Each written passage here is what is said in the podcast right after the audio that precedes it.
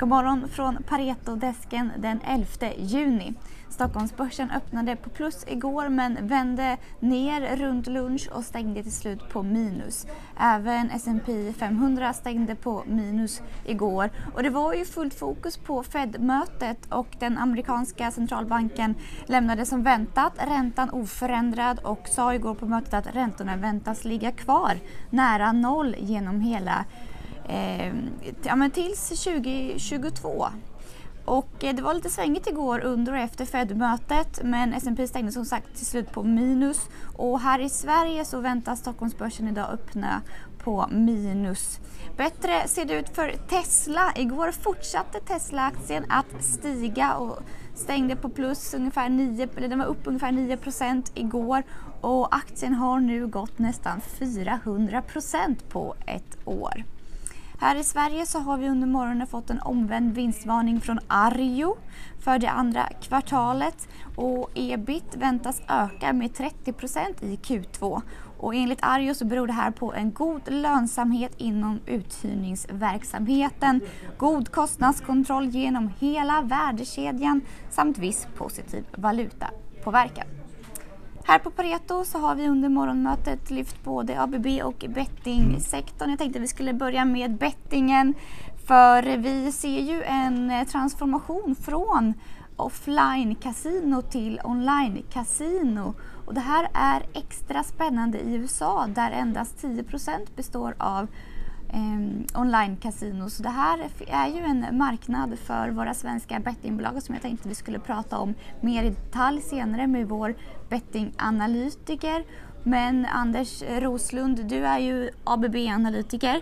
Ja. Inte riktigt samma sak. Nej. Nej, det skiljer sig en del. De hade konferenssamtal igår. Ja, det var den nya VDn Björn Rosengren som gjorde sin första stora presentation efter tre månader som VD. Mm. Eh, och lite var ju förväntningarna kända att han skulle börja prata om de nya 18 divisionerna. Och det gjorde han och, och det är det som det hela handlar om, att man mm. kommer att decentralisera hela bolaget. Är det en bra idé tror du? Ja, ABB har ju varit väldigt centralstyrt, det vill säga att man har haft en matrisorganisation med mm. länderchefer och produktchefer. Allt det här är ju förändrat sedan ett år tillbaka och nu har man fyra divisionschefer. Men nu kommer man att gå ett steg längre och de fyra divisionerna blir 18 enheter. Mm. Inte rapporterandes, vi kommer inte följa de 18 enheterna men det kommer att finnas 18 chefer som kommer att springa väldigt fort mm. och det blir kul. Mm. Och eh, vi såg ju att eh, Gardell eh, hade skrivit ett mejl till DI igår att han var väldigt positiv till eh, Rosengren. Han verkar ju stödja det här. Ja, han är ju part i målet och mm. eh, det har väl inte varit en jättebra investering av ABB så att jag tror att det här blir ju finalen i så mm. fall. Eh, och går det som vi och andra hoppas så, så, kan det bli ganska bra marginalförbättringar framöver. För det var det de lyfte också va?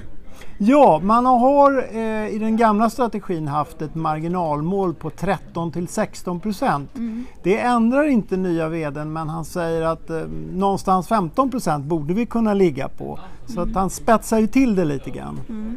Men sa de några nya finansiella mål? Kommenterar de coronasituationen? Det var inte mycket fokus på Corona utan det kommer naturligtvis vara fullt fokus på det nu i närtid. Mm. Men eh, ABB är ett marginalcase. Här handlar det om att man ska få upp marginalerna från någonstans 11% till de här 15 och det är den resan som man vill investera i. Mm. Du höjde riktkursen här idag. Ja. Till vilken nya 250 från mm. 230 och jag kan säga att det inte, eh, det gjorde jag mer för att jag tyckte förtroendet för att han ska lyckas tycker jag känns bättre nu när, man, när han har vågat sticka ut hakan. Mm. Eh, redan efter tre månader, då måste han ju ha en bild om att det här är inte är omöjligt att, att faktiskt få de här förbättringarna. Vi måste komma in på PowerCell Power Grids också. De ska ju knoppa av Power Grids ja. och igår gick PowerCell ut med att de ska inleda ett samarbete med Power Grids. Mm. Är det en bra grej? Ja, det är det säkert. Det är nog viktigare för PowerCell eh, för att det här gör att de kan bredda sin produktportfölj. Mm. ABB hjälper ju till att koppla ihop det här eh, med kraftverk så att elförsörjningen fungerar. Mm. Men som sagt, det kommer ju bli Hitachi här om några veckor. Mm. Men, och eh, när, när kommer avknoppningen ske? Avknoppningen ska vara klar i slutet på den här månaden Mm. och sen är tanken då att affären och betalning sker samtidigt. Och då får ABB någonstans en 9 miljarder dollar och så har man sagt att man ska använda en 7-8, nästan 8 miljarder dollar till att köpa Mm. tillbaka aktier och börja direkt i tredje kvartalet Mm. och hålla på till slutet av 2021, så under sex kvartal. Och det här återköpsprogrammet, hur mycket är det inprisat i dagens kurs? Alltså det har ju varit väl känt sedan lång tid tillbaka när den här affären gjordes upp.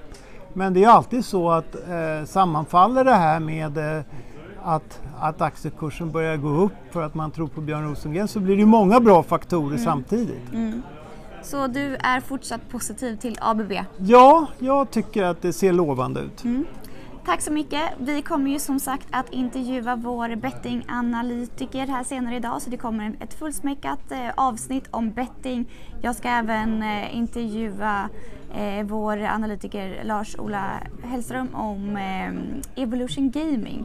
Det är ett kärt bolag för många där hemma så missa inte de intervjuerna och vi är tillbaka på fredag.